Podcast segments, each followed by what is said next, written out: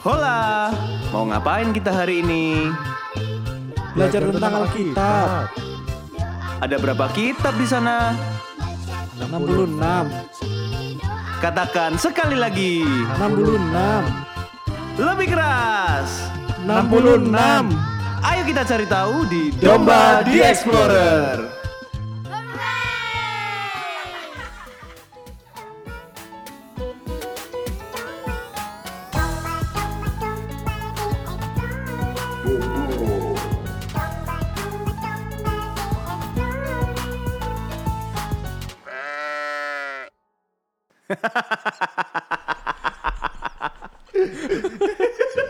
Cur, cur. Iya iya iya iya. Jadi selamat datang sekali lagi buat kawanan domba, Woy, sebutan Wih, baru. Sebutan baru ya. Kawanan domba-domba kita di podcast Domba di Explorer di mana isinya domba-domba yang masih ya masih berkeliaran jalan-jalan dan sekarang jalannya ini ke kantor LAI. Wah. Relai. Ngapain? Mau nyolong Alkitab? Mau ngambil ini sumbangan nih jadi. Waduh.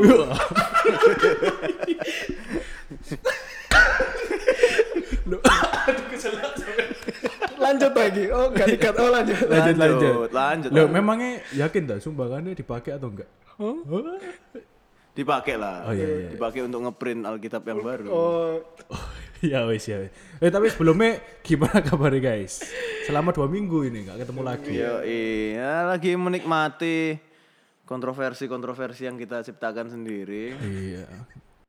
Banyak menuai komen ya, tetep ya sampai sekarang ya. Sampai yang episode 5 saya membahas guru agama saya sendiri kan itu. Waduh. Wah, dia kok ngomel-ngomel. Kamu yang bener aja deh ini, mau dikutuk aku katanya. Waduh. Padahal udah disebutin loh, product placement nggak pakai bayar loh. Iya. Ya udahlah ya, diamini ya. Iya. Kasihan, ah, kasihan, kasihan. Oke oke. Padahal aku ketemu cuman sekali. Tak kasihan-kasihan no. Ketemu dah. Pernah ketemu sekali. Oh, sini. Ibadah pemuda itu loh, udah ikut. Ah, pernah khotbah sekali. Iya, ya sudah jangan gibal lah. Ini kan podcast bukan apa Bukan Rumpi no ya? secret talk apa? iya. No Rumpi secret talk apa? Rumpi. Rumpi. Oh iya, Rumpi no secret. Nah, Rumpi itu. nasi. Bukan, bukan, bukan. Ini kan podcast Alkitab. Yang membuka secret-secret dalam Alkitab. Iya. Dan kitab-kitab lainnya. Oh. Waduh.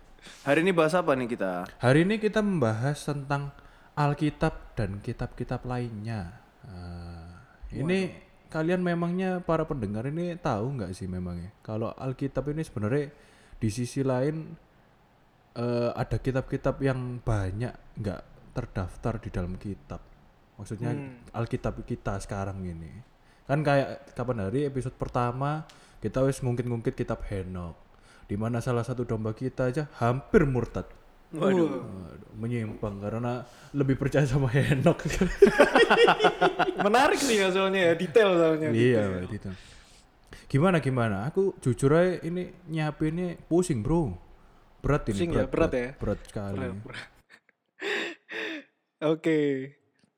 Eh langsung aja. Iya, silakan, Oke, silakan. Langsung aja. Oke. Jadi eh sebenarnya kita mau bahas dulu nih. Maksudnya kenapa sih kok pertamanya bisa disebut dalam bahasa Indonesia jadi kata eh, Alkitab? nih? Alkitab. Kenapa kok Alkitab kok nggak eh, kitab kitab suci gitu? Itu Ah. kitab suci gitu kok lebih dikenal dengan Alkitab bahkan covernya pun kan ya Alkitab. Tulisnya bukan Alkitab. Kitab suci gitu kan. Kenapa kok sama? Sebelah juga Al-Quran. Oh, iya benar sih. Kenapa Alkitab? Nah, Enggak, enggak semua kok Tripitaka.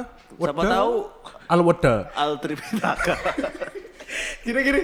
Jadi Kenapa? gini. Al itu apa? Apa? All all kitab semua kitab. Eh, mungkin Allah gitu loh, Allah. Allah, kitabnya Allah. Ah, mungkin. Kayaknya itu kan serapan Al dari Eldul mungkin. Al Eldul. Kok Al Ya kan kitabnya Al Alkitab. Iya, wis, iya, iya, iya. Sembarang wis, sembarang. Kitabnya Al.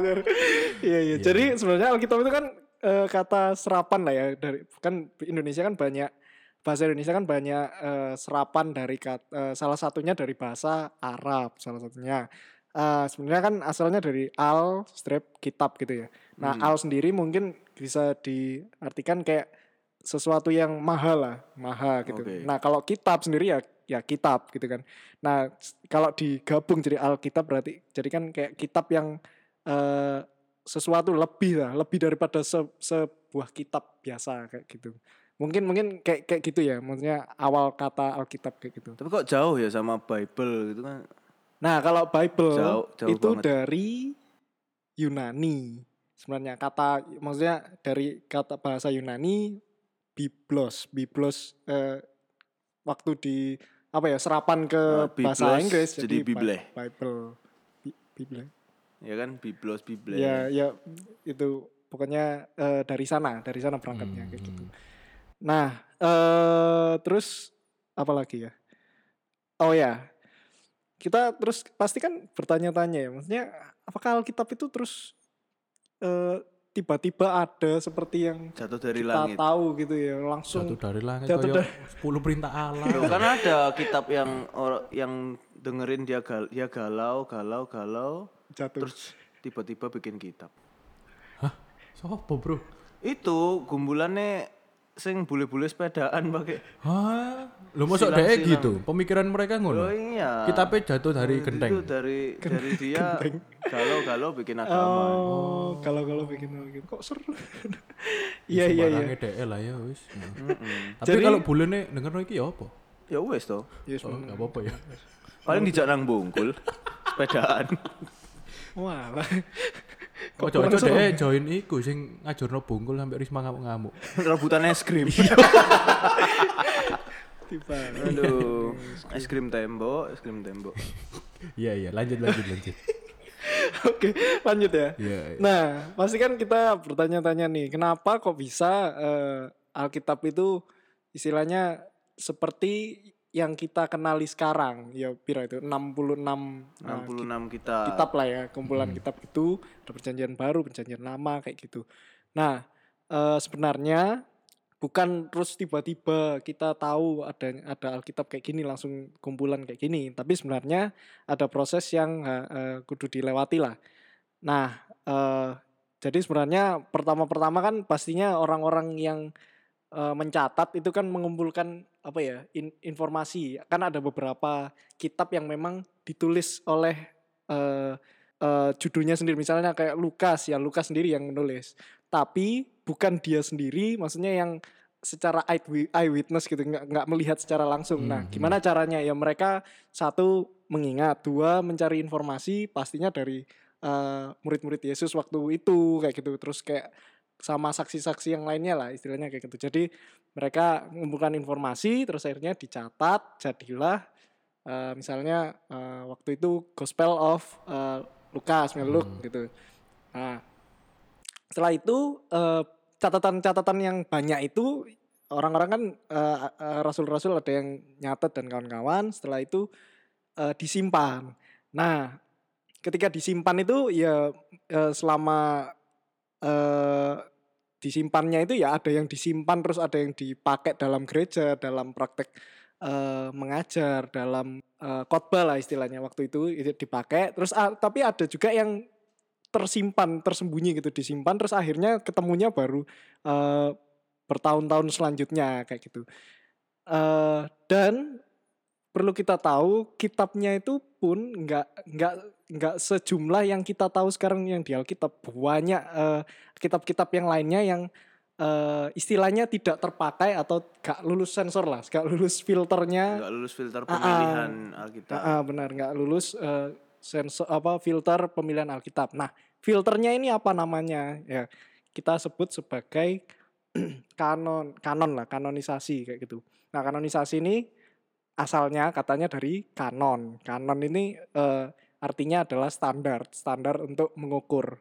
Nah, kalau dalam konteksnya ini ya, kanon itu standar, itu standar maksudnya kayak keimanan kita, iman Kristen itu sampai semana. Nah, kayak gitu eh, makanya disebutnya kanon kayak gitu. Dibatasi eh, kitab-kitab yang mana yang akan dipakai, mana yang tidak dimasukkan ke dalam Alkitab kayak gitu. Jadi sebelumnya itu apa ayat-ayat itu kayak sing Gospel of Luke atau Yohanes itu disembunyikan sama Lukasnya sendiri gitu ta. Yo enggak sih. Dia lebih disimpan, tapi di tempat tersembunyi bukan yang disembunyikan mungkin ya. Hmm, takutnya kan mungkin Lukas nggak mau bagi-bagi berkat disimpan kayak simpanan pribadi. Diari tadi. Iya, kayak diwaca-waca dewe ya en- ya apa pun motivasinya ya. Terus yang menemukan siapa ya gua akhirnya? Nah, oh kalau yang anu Ya, gospel, gospel setiap ya. Hmm. setiap kalau detailnya sih ya nggak nggak anu sih nggak apa nggak nggak ada kayak siapa yang nemukan scrollnya Thomas eh apa Hmm. Lukas misalnya Lukas atau Mark sebenarnya nggak nggak sedetail itu kita tahu tapi yang kita tahu adalah eh, setiap suratnya itu eh, setiap gospelnya itu terus dipakai dalam eh, pengajaran dalam gereja waktu itu setelah itu setelah zaman era-era Hmm. Eh, rasul-rasul itu jadi kayak apa ya eh, bukan bukan semua scrollnya atau semua hasil tulisannya itu disembunyikan atau disimpan enggak Hmm, juga ada hmm. yang terus dipakai untuk mengajar lagi sebenarnya gitu sih Oh gitu. Atau mungkin kayak ditaruh, mungkin dia nggak nggak Hmm. niat sembunyiin ya, tapi karena bertahun-tahun jadinya ya tersembunyi. ngelapuk ngono ya. Eh, karena bentuknya kan bentuk papirus kan zaman Nah. dulu, bukan kertas wah, buku kayak sekarang. Sampai sekarang masih ada nggak itu? Gulungan-gulungan papirusnya masih ada dan memang some of them ketemunya agak dalam kondisi utuh. Ada kupil-kupil. ada kupil-kupil sobek-sobek Ya, pasti. dikit atau apa. Nah, itu biasanya juga di apa? Kalau ada huruf-huruf yang hilang ya dilihat konteksnya satu kalimatnya nih ngomong apa. Hmm. Untuk ya di supaya bisa dibaca lagi lah. Tapi memang Iya. pasti ya namanya ratusan atau sampai ribuan tahun ya orang pasti ada aja lah. Nah, sekarang Apalagi- terus filter siapa? nah eh, Kalau nggak salah dengar ada konsili-konsili kan ya, benar. meeting-meeting tuh ya. jadi sebenarnya dari zaman sekitar abad ke berapa ya 350 itu berarti abad ke berapa Tiga. Empat, tiga Tiga, empat Ah. lah itu. Eh, itu dari abad segitu ada ini bahasa Inggrisnya Cyril of Jerusalem itu kayak sudah mulai apa ya semacam mm, eh, konsili kayak apa ya pertemuan lah pertemuan kayak meeting. gitu meeting gitu meeting besar kayak Konferensi. ya konferensi gitu terus kayak SLC lah. untuk Waduh, bukan dong. SLC 350 AD coba Eh, jadi Iya, iya. eh, jadi dari tahun segitu tuh mereka sudah berusaha apa ya jadi mungkin waktu itu ya kalau aku membayanginnya ya waktu itu sudah kayak menemukan banyak kan kitab-kitab yang Ya. ditemukan kayak gitu terus kayak kepercayaan eh, Kristen itu kan sudah mulai berkembang nih tapi kan mulai kayak bingung kan kayak ini sumbernya dari mana dong kalau semua kitab ini kita pakai ya ternyata luas sekali dan ke mana-mana jadinya. Hmm. Nah mungkin kayak konsil-konsil kayak gini mulai diadakan untuk eh ya itu tadi kanonisasi untuk me- me- mengatur standarnya sampai mana nih im- keimanan Kristen itu mestinya eh, eh, sampai sampai mana kayak gitu. Nah lucunya ini menariknya eh kalau yang da- tadi itu ya Cyril of Jerusalem ini itu ada 26 waktu itu eh, 26 perjanjian baru yang mestinya kan sekarang 27 ya. 26 perjanjian baru itu plus Gospel of Thomas. Jadi Oke. sempat Gospel of Thomas itu Injil Injil Thomas itu sempat masuk ke kanonnya. Sedangkan Wahyu itu kelu- dikeluarkan. Jadi Oke. orang-orang waktu itu berpikir bahwa mungkin kayak wah aneh gitu ya. Kan tentang anu kan. Tentang akhir zaman. iya kan kok penglihatan. gini? Kan kan ekstrim soalnya emang. Nah, Hmm. itu dipikir kayak ini bukan Thomas eh bukan Yohanes deh yang nulis kayak gitu. Bener gak ya? Iya, Yohanes ya iya, bener. iya, ya? iya. Oke, terus eh, setelah itu eh terus ada Laodikia itu mulai tahun Hmm. 363 gitu mulai terus Thomas dikeluarkan. Lalu Athanasius 367 mulai masuk lagi eh eh, mulai 27 New Testament ini yang kita kenal sampai sekarang. Nah, terus ada banyak ada Gregory, ada African Canon, ada Jerome, Augustine, terus ya banyak dan itu sama 27 27 terus tapi tahun 397 tiba-tiba Wahyu dikeluarkan lagi. Terus Oke. ma- ti- eh, tahun 419 sekitar 20 tahun lebih Wahyu masuk lagi. Jadi kayak apa ya? Wahyu ini orang mungkin bingung ya, ini Iya, masuk enggak, masuk enggak. Bener. Jadi kayak apa ya? Mungkin kayak aneh gitu kan ngeliat eh, terlalu kontroversi gitu ya. Yang Hmm, lainnya kan ya. ngomongnya tentang kayak apa yang dilakukan Yesus, apa yang dilakukan Rasul waktu itu. Terus tiba-tiba harus ono air, air zaman kayak gitu-gitu kan. Jadi Karena kan memang dari awal itu kayak dari kejadian sampai seterusnya itu kayak fokus inline mau mempersiapkan dan mau mengabarkan tentang keselamatan melalui Yesus ini kan. Dari awal sejarahnya garis keturunannya ini meranakkan sapa-sapa-sapa-sapa-sapa sampai semua nyambung ke Yesus dan bahkan kayak peristiwa-peristiwa yang disampaikan di depan kan kayak apa yang juga nanti Yesus akan Iya, lakukan sifat-sifat ya, intinya kayak satu garis mau ngomong tentang Jadi Yesus yang sebelumnya itu nubuat, yang perjanjian barunya tentang ya sungguhan dilakukan ya, kayak gitu. sungguh ya. dilakukan Nyambung terus gitu nextnya ya. gimana apa yang dilakukan setelahnya Ya siapa tahu pas konsil apa? konsili Konsili ku orang-orangnya pendetanya wedi kabeh mbek Wahyu. Iya. Makanya ojo wis ngono tukaran deh Iya, akhirnya. Ngono. Belum siap mereka soalnya banyak dosa juga mungkin zaman itu. Oh iya iya iya. ya bisa jadi sih atau mungkin keluar masuk karena eh, yang pas hari ini dia nggak datang nih pendukung Wahyu nggak nggak melok rapat hari ini Iya juga ya. terus Atau data apa data-datanya kurang, kurang valid. Iya iya. Ngono. iya. Mungkin lo ya. Iya. ya bisa jadi sih Tapi kalau dibayangin kan bener sih kayak mungkin kayak vote kan kan akhirnya siapa yang siapa milih ini Eh, Wahyu masuk. nggak?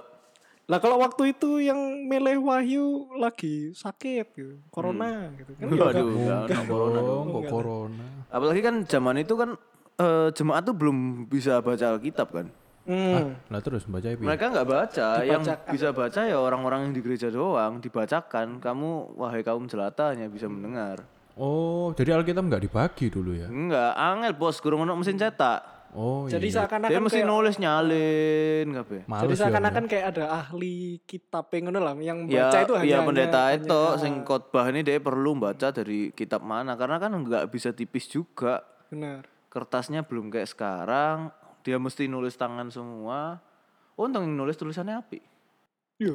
Lah lek elek elek kok ceker ayam. lah makanya banyak orang tersesat Loh, tapi sekarang rakyat jelata loh. Kayak misalnya mek mendengarkan tok ya. Lah sekarang anggap aja kan ini Yesus gak ono kan. Uh, Ya. abad, abad 4, abad Abad, itu. ya. Lah terus yang tuli gimana? Kembali lagi dong. Iya, siapa tahu ada sing anu penerjemah mungkin sudah ada anu ya Masa bahasa isyarat bahasa isyarat di sebelah khotbah. Hah, masuk ngono. Oh, Dikotain. zaman zaman itu mungkin orang tuli masih di anu ya, dibuang dari masyarakat. Waduh. iya Ya kan gitu Iya dijauhkan sih. kan zaman-zaman itu kan. iya iya Masih direndahkan ngono ya, Masih direndahkan, Iya, masih iya. terpinggirkan. Ya udah gitu.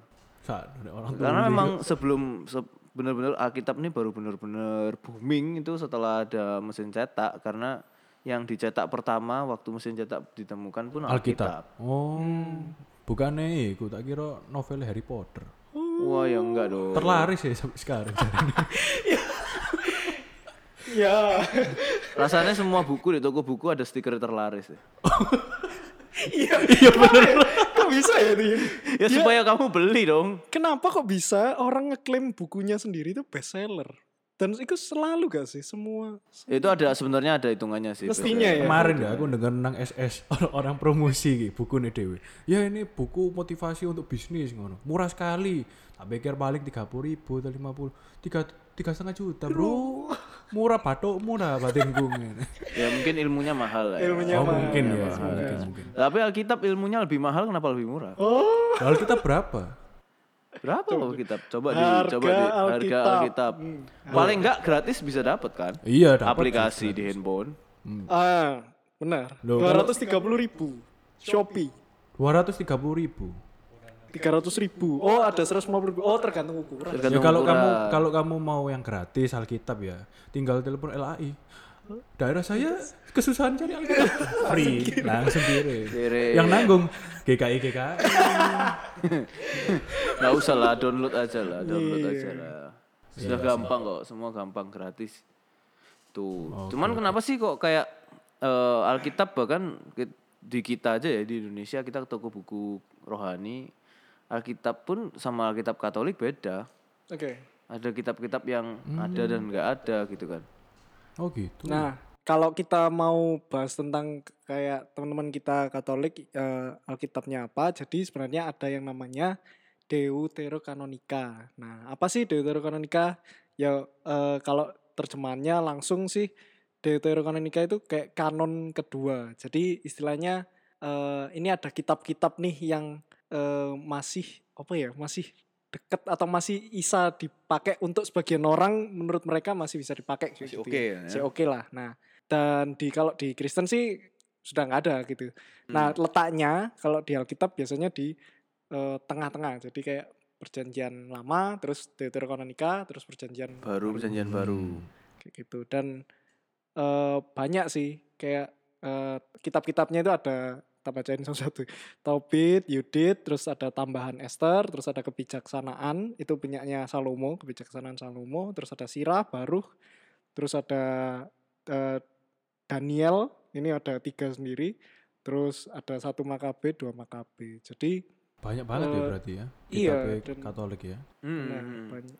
Dan ini kalau kita lihat ya itu nggak cuman sama Katolik doang, ada lain-lain yang Ortodoks Yunani, Slavia, Georgia, atau Apostolik Armenia, Suriah, yang pakai Ortodoks Suriah, Koptik, Hmm. eh, atau gereja Syria.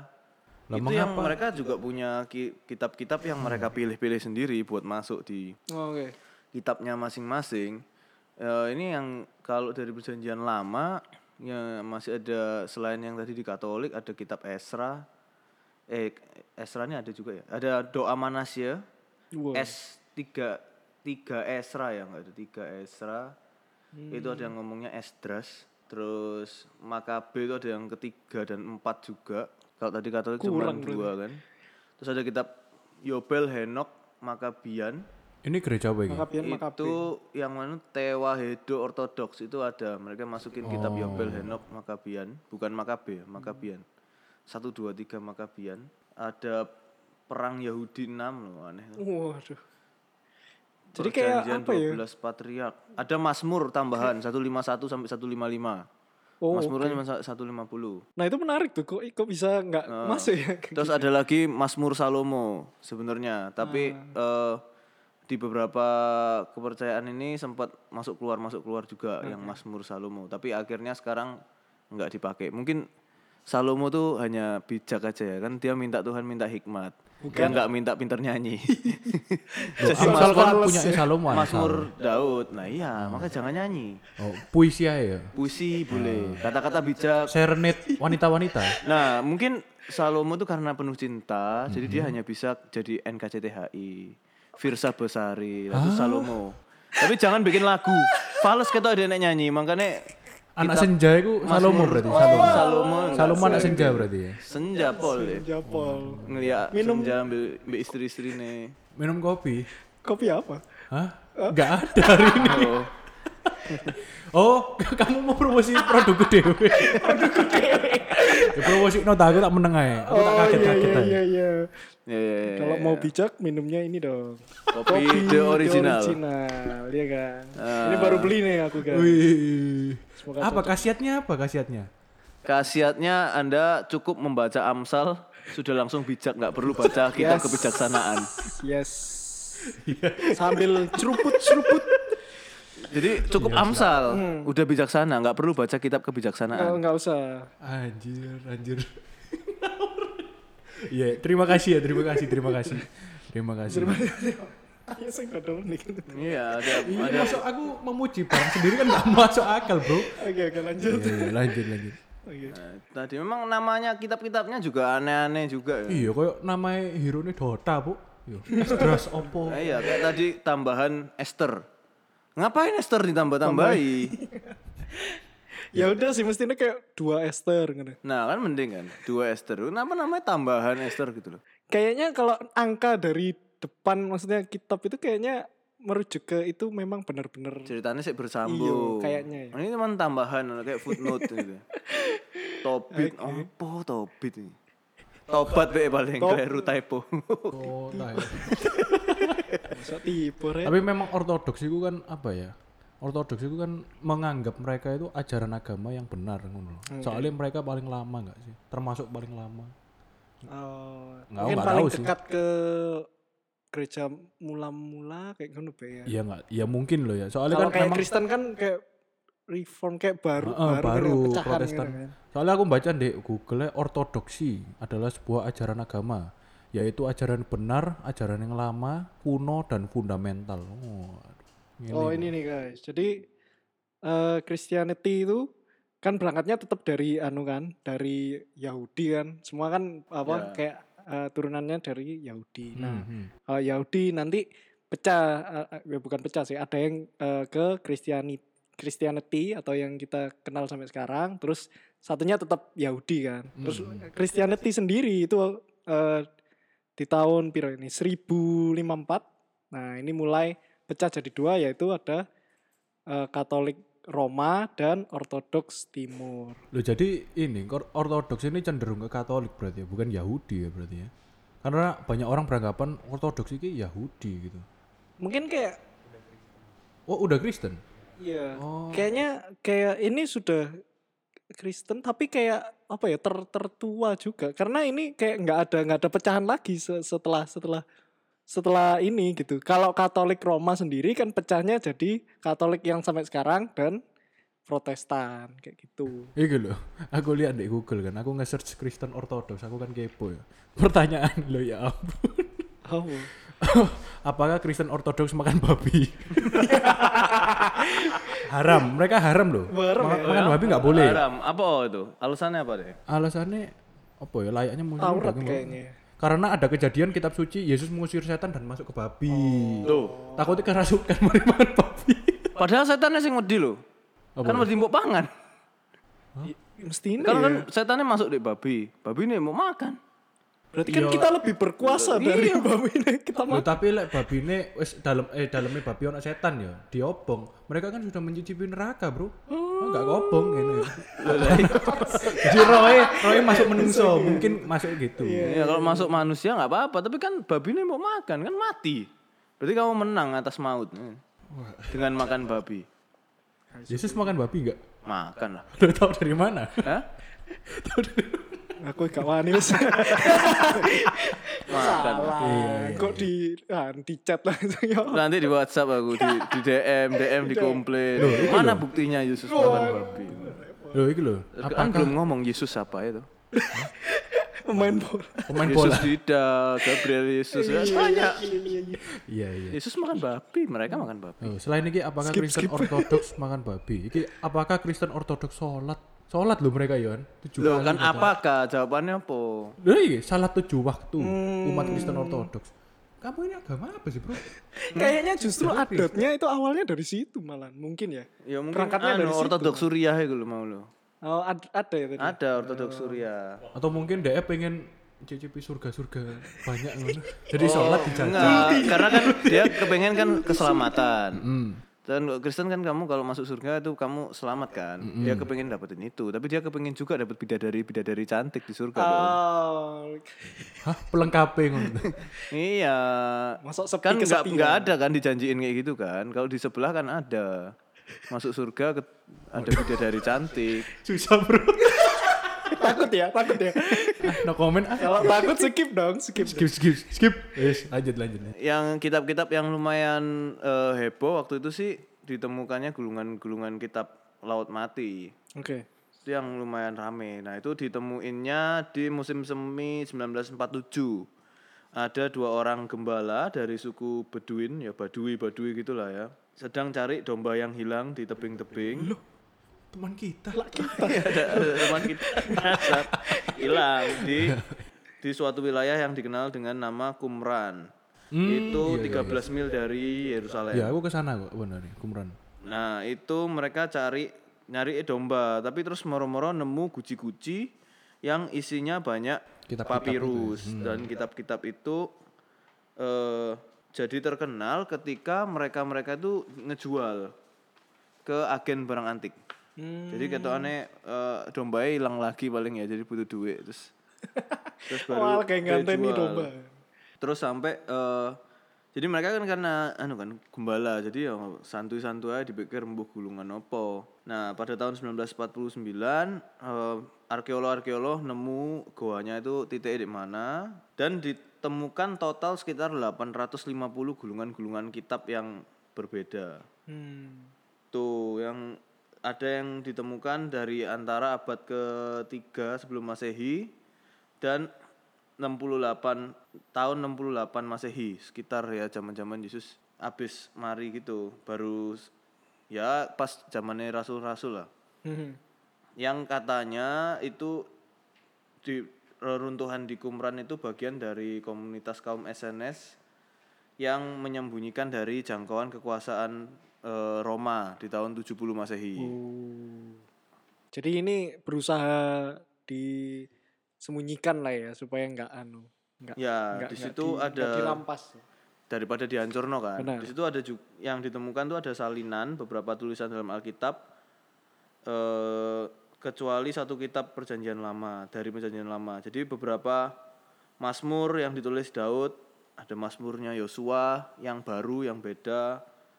Terus beberapa nubuatan Yeskiel, Yeremia dan Daniel yang enggak ada dalam Alkitab itu ada di gulungan kitab Laut Mati itu. Termasuk eh, Henok termasuk di kitab Laut Mati termasuk itu. itu. juga ditemukan di situ uh, beberapa hal cerita-cerita tentang Henok, Abraham, Nuh yang nggak ada.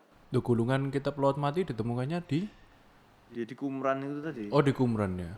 Oh, jadi selama ini tak kira nih wonge nyelem nang laut mati golek-golek ngono. Oh enggak, di area di sekitar itu di goa-goa. Oh, Nemu di goa-goa tadi kan. Itu tahunnya berarti tahun Tahunnya ya around-around di perjanjian baru itu. oh, Oke. Nah, terus kenapa kok disebutnya gulungan kitab laut mati? Ya kan di deket laut mati nemunya. Oh enggak langsung gulungan kitab Qumran gitu kan. Angel kan enggak terkenal, kan terkenal laut mati. Oh, iya. Bule-bule kan arkeolognya kan ngertinya itu. Hmm, dan tapi kitab-kitab ini sekarang malah jadi dijual belikan nggak selain nggak dibahas dimasuk no Alkitab malah dianggap barang antik sih. Lebih banyak Waktu itu.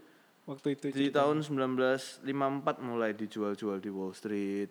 Dan padahal itu eh, bukan cuman sekedar penemuan kan. Karena kan itu nyambung dan ada beberapa sih yang memang mirip sama yang di Alkitab. Nah itu juga kitab-kitab yang paling recent lah untuk ditemukan. Iya iya iya. Iya sih aku aku sering apa membaca-baca misalnya lihat orang debat antara agama iki dan Kristen gitu ya misalnya ya. Iku mereka mempertanyakannya apa bisa nggak kamu jelasin eh, Alkitab kitabnya kok ada yang nggak dimasukin ke Alkitab itu maksudnya apa? Mereka ngapain bikin ini? Kenapa kok nggak kamu pakai? Nah kayak gitu gitu. Kira-kira jawabannya piye kalau kayak gitu? Ya kan kitab siapa yang nulis belum tentu. Aku mau nulis kitab ya gak apa-apa kan. Kitab kan bu- buku. Iya, dan al- dan kitab pun itu bisa kayak apa ya istilahnya misalnya kayak misalnya ini kayak eh, namamu Joy gitu misalnya Joy. Itu bisa bisa bukan kamu sendiri yang nulis tapi misalnya kolegamu tentang Joy. koncomu gitu misalnya atau muridmu atau gimana itu nuliskan tentang kamu. Namanya memang Joy gitu. Padahal temennya gitu. sing nulis.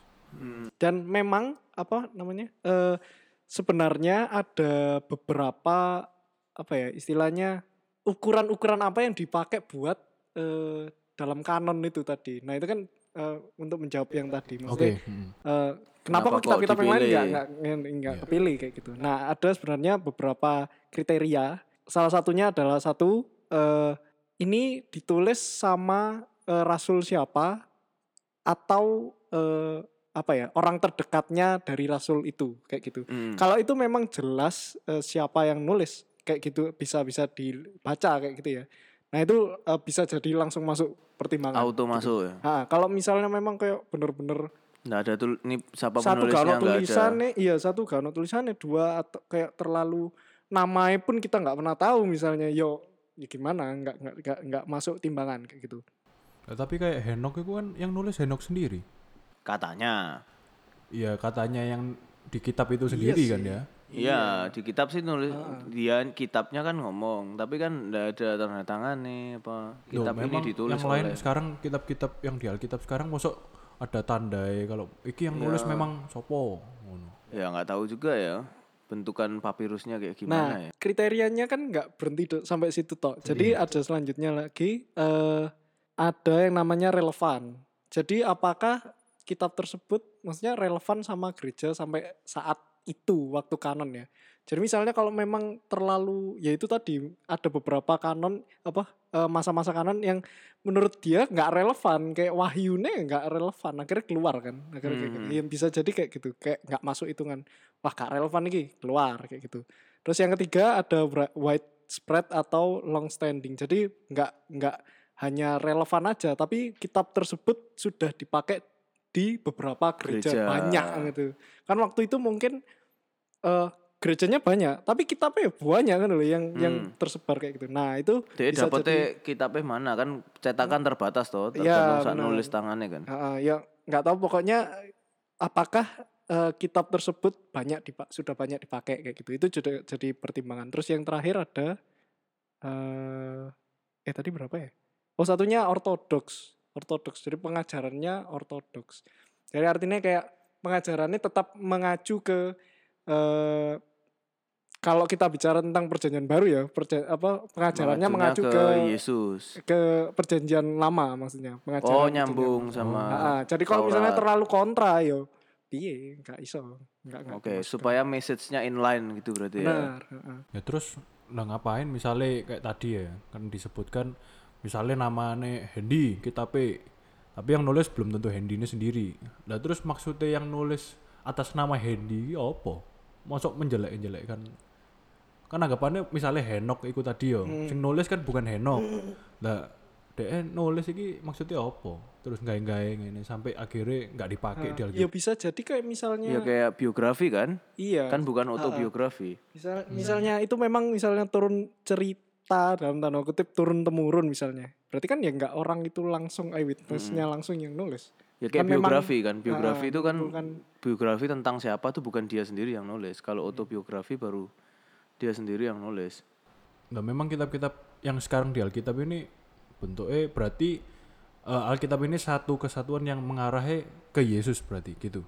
Ya kalau mau dibaca dari awal sampai akhir sih sebenarnya mengarah utamanya intinya di tentang Yesus karena mau ngomong tentang Yesus. Kalau misalnya mungkin nggak sih kalau misalnya kitab-kitab luar ini justru mengarahnya ke nabi lain selain Yesus.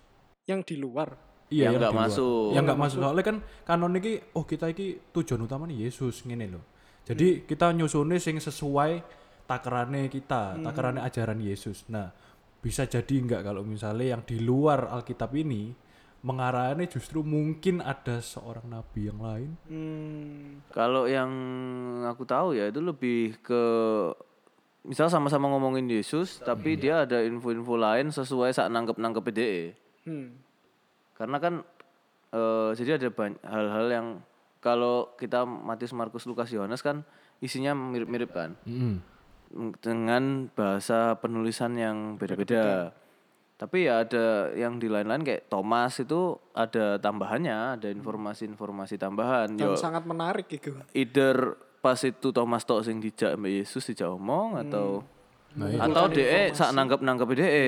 Karena kan Yesus sering ngobrol pakai perumpamaan kan. benar Berarti Thomas foto gak bebek ya wong ya, gak nangkep-nangkep ngono, gak ngerti-ngerti makanya dek akhirnya "Wah, kau ingin nulis apa ngene akhirnya gak usah dikeluarin. Ya mungkin bisa jadi. Bisa Lah, jadi buktinya dia nggak percaya. Iya, padahal murid koncoe nggak percaya. loh. Leren nyelup sih. Heeh, siapa tahu ancen dia bulian di arek-arek. Waduh kok sakno ya. Dibully Wis arek-arek. dibully mbek kanca-kancane padha muridé, saiki dibully mbek bawahe sing konsili. Di gua bisa kita tuh. Sudah kurang pinter iki gua ae. Iya, pemennya barusan tadi kereta saiki Thomas. Thomas ini friend loh. Aduh. Tapi kita maksudnya nggak bisa juga kayak istilahnya menutup eh kayak kalau di luar kanon itu kayak bener-bener kayak salah gitu kayak sangat Hmm, berseberangan. Tapi beberapa ada yang mikir kayak gitu kan. Iya, dan ternyata eh, banyak juga yang masih istilahnya apa ya? Kayak eh, mengacu ke kitab-kitab yang di luar kanon itu. Maksudnya mungkin nggak nggak di Kristen ya, mungkin kayak Hmm. di luar sana itu ya banyak banyak banget yang mengutip di luar kanon yang pertama ini, yang yang utama ini kayak gitu.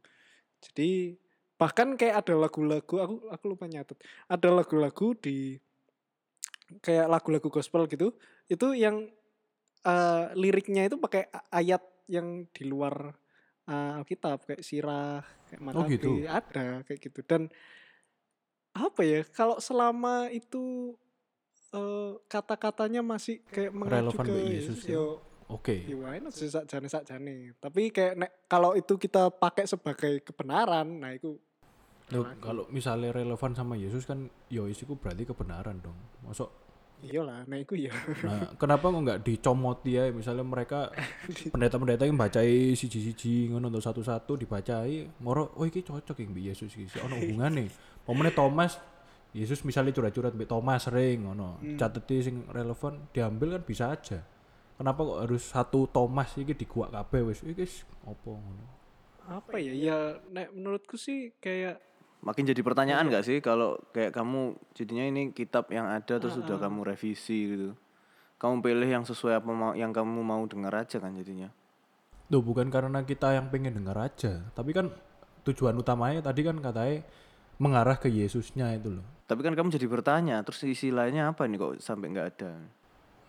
Kenapa kitab Thomas oh bolong-bolong? kenapa kok dibuang langsung semuanya? Iya gitu sih. Tapi kayak mungkin banyak lah ya pertimbangannya. Maksudnya kita Hmm. sendiri pun Kita nggak melok rapat nggak- soalnya. Iya.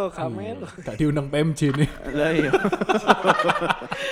konsili konsili. Yang gak jelas pasti diundang. mereka kan lebih banyak informasi tentang misal kitab A ini, wah wake pasti informasi kak. Mungkin terus kayak tiba-tiba kitab A ini ada gitu aja. Hmm. Tapi sekarang meskipun wis hilang bener-bener satu kesatuan niku hilang misalnya Thomas iku hilang, ya kita sampai sekarang aja sih bertanya-tanya apa isinya Thomas iki. Meskipun Ya nggak paling enggak kan kamu males mau coy soalnya dowo. Iya iya sih.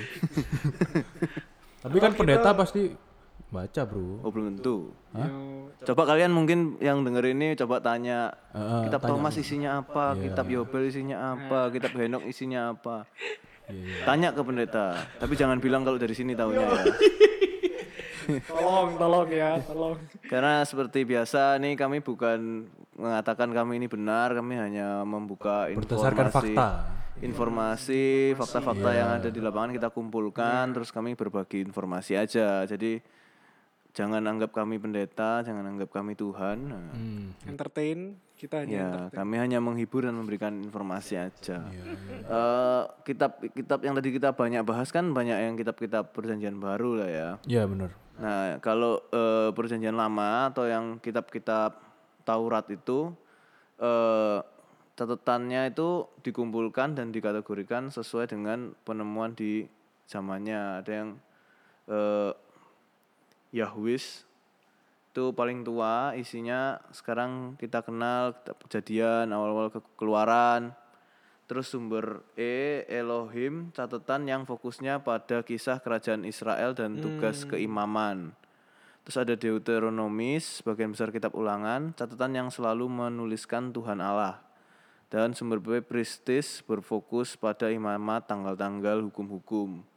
Dan eh itu kayak digabung-gabung, disusun-susun karena sumber aslinya itu sudah tinggal sobek-sobekan tok, kayak tukul, sobek-sobek. Waduh, tukul. Wawas. Wawas. Ketoro, arek lawan. Nah, kitab-kitab lain itu ditemukannya lebih lengkap karena sumber pencariannya di bangsa Israel. Hmm, Jadi nah, emang kitab Taurat itu di Alkitab ada? di ada Di apa? Apa? Lima, oh, lima kitab, kitab pertama itu termasuk kitab Taurat. Taurat, bukan aurat. Tuh dibahas. mana? Skip. Eh, skip ya, aja. skip ya. skip. Kitab Taurat. Ya kalau kitab Aurat ditutup-tutupi dong. Iya makanya Ah, bakal nggak di- boleh dilihat. Masih Jangan dibahas Iya, skip ya. Cari skip loh. Iya. Karena kan zaman itu ya itu kan sama kitabnya itu cuma dibacain ya pas wayai baktian tok gitu. Yang lain kan nggak bisa baca. Ya mek lima kitab pertama itu ya. Gak bosen lah gereja ini. Apalagi kan kalau kamu lihat kayak imamat, kamu kalau baca imamat isinya mah undang-undang dasar itu. Oh iya ya. Imamat tuh maksudnya UUD Israel. Uh, undang-undang dasar. Ya, iya. Orang boleh gini, hukumannya nanti nek kamu lakukan ini tuh ini. Eh sih sih. Wah, ketoro gak tahu diwoco iki pasti. Oh, Bagian tentu imamat. tidak. Saya baca imamat paling kalau misalnya ono bacaan hari ini. Oke. Iya dek firmane. Nah, ngono tok ae. Iya iya iya. Nah, kadang kan ajaran-ajaran yang di kitab-kitab itu pas zaman-zaman itu ya, dari zaman-zaman sebelum Yesus itu banyak yang ditafsir-tafsir sa enak udah dewe terus diakal-akali. Nah, makanya kan beberapa kali Yesus tuh meluruskan meluruskan apa yang salah kaprah. Oke. Yang selama ini mungkin kayak fokusnya ke eh, Salah fokus liturgi dengan rules. atau iya rules kayak gitu. tanpa tahu dasar itu loh sejaknya apa. Hmm. Nah, sekarang aku eh, balik ya ke yang pembahasan di mana Katolik punya kitab-kitab lain selain yang kita baca ini di Alkitab. Nah, mereka sendiri umat Katolik ini pernah mengadakan konsili enggak? Oke. Maksudnya memilih eh, kitab-kitab mana yang bakal masuk di Alkitab. Ap- Apa join be konsili ini Kristen iki? Enggak Tuh, harusnya sing- pecah sih tuh. Justru justru yang paling tertua ya ka- Katolik dong. Oh gitu ya? Iya, jadi kita ini kan berangkatnya dari anu kan Katolik Roma. Kan? Hmm, Nah, terus Katolik bedanya Roma, yang orang-orang Kristen Protestan ini yang ada keberatan dengan beberapa kitab-kitab. Benar. Nah, itu di take out lagi.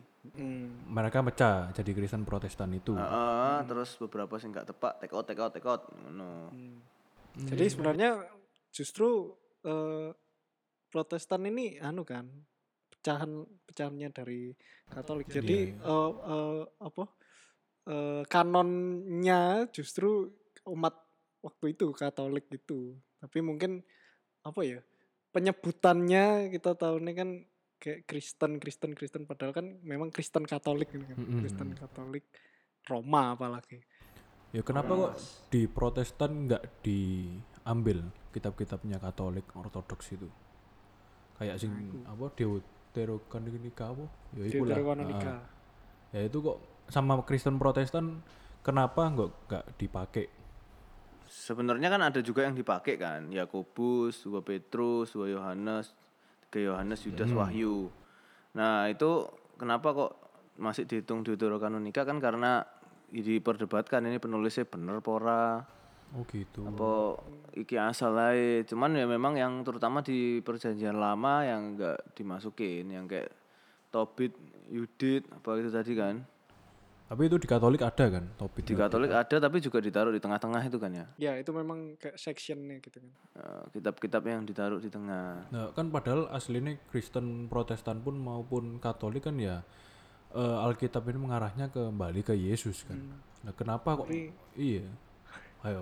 Ya aku nggak tahu sih, aku nggak pernah baca nggak pernah Tak baca kira jujur ya, selama ini tak pikir Kristen baik Katolik podo sih Alkitab. Alkitabnya, Ternyata enggak ya. ada di tengah-tengahnya itu ada. Banyak juga. Ya iku sampai apa papiro iku ya. Mm, itu sebanyak itu. Ya apa ya? Eh kalau menurutku ya ketika eh, pecahnya eh, Katolik dengan Kristen Protestan itu itu eh, kayak langs kayak apa ya? Itu langsung kelihatan juga kan pengajarannya Katolik sama Kristen itu sebenarnya Ada bedanya. beda dan beda ada beberapa gitu. rites uh, ritual yang nggak Benar. dilakukan. Nah, kayak kayak ritual itu pun kayak langsung apa ya? Beda langsung itu kelihatan Mm-mm. banget dan dari situ aja udah kelihatan. Maksudnya apalagi mungkin ya kita kita nggak tahu detailnya sih kayak apa. Ya, misalnya baca setiap soalnya. kitab iya kayak gitu. Cuman yang pasti kenapa kok di take out take out? Mungkin kayak ya kitab-kitab ini tidak sesuai dengan eh, eh, pengajaran atau pengertian Kristen waktu itu. Mungkin pertama itu anu ya, Lu- Luther ya? Bener ya? Martin Luther ya. Lu- Lutheri, Lutherian itu kan? Iya. Jadi kayak waktu itu mungkin apa ya nggak sesuai lah dengan Lutherian itu dan kawan-kawan itulah. Nah itu aku kurang Iya. paham sih yang Protestan pun ini kan terbagi ini banyak gak sih Calvinisme, Ya, itu Lutherian. Nah, itu aliran-aliran lagi tapi aliran ya itu Kalau ya. kita GKI apa? Calvinis ya. Calvin Presbyterian kan. Calvin Klein. Wah, sempak dong. sorry Eh, bukannya lebih ke Presbyterian ya? Presbyterian. Presbyterian kan. Nah, itu, itu pun aduh, aku ya sih Iya, nggak iya, ngerti iya. sepenuhnya sih untuk Protestan. Mm-mm. Itu nanti kita bahas di kesempatan berikutnya aja kali ya. Boleh, Kesempatan boleh, lain boleh, kali ya tentang bergereja, dulu, denominasi. Iya, iya. Eh, tapi tentang kitab-kitab ini bahkan Injil pun, Injil pun itu banyak yang masih macam-macam juga. Eh, Gospel of the Hebrews, Gospel of Barnabas, Gospel of Thomas, Filipus, Bartolomeus, Yakobus, Yudas. Yudas bukan yang Yudas sebelum Wahyu itu ya. Beda lagi ya. Tapi ini Injil Yudas. Gospel of Hebrew itu Hebrew itu apa ya? Ibrani, Ibrani. Injil tapi Injil Beda orang, ya? Injil orang Ibrani. orang Oh, beda lagi sama Ibrani. Bukan sekarang. kitab Ibrani. Oh. kalau ngomong gospel berarti Gospel pasti itu Injil, iya. pasti Injil. Oke, oke. Tat- yang tentang Yesus itu Injil Yudas ini menarik sebenarnya sih lucu sih isinya Boleh dibahas. Yudas iki Iskariot itu. Iskariot Sekali. Wah, rasanya isinya tentang duit, duit, duit. Bendahara kan. lo belum tahu anda Apa rek? Nantikan ya kawan-kawan Ya, nanti kita- kawanan domba. kawanan domba kita bisa bahas tentang Sen- bahas sendiri lah ya. Injil Yudas Soalnya kalau bahas di sini lebih dari satu jam lagi, kelihatan anda yang tidak selesai nonton podcastnya, bro, bro. Ya, capek dengerinnya kalau mau kepo-kepo Injil Yudas Iskariot tuh boleh, Itu Iya, iya, oke, oke. Menarik itu, menarik. Menarik. Recommended, recommended. recommended Iya, iya, iya. bahwa ternyata Yudas tidak seperti yang kalian bayangkan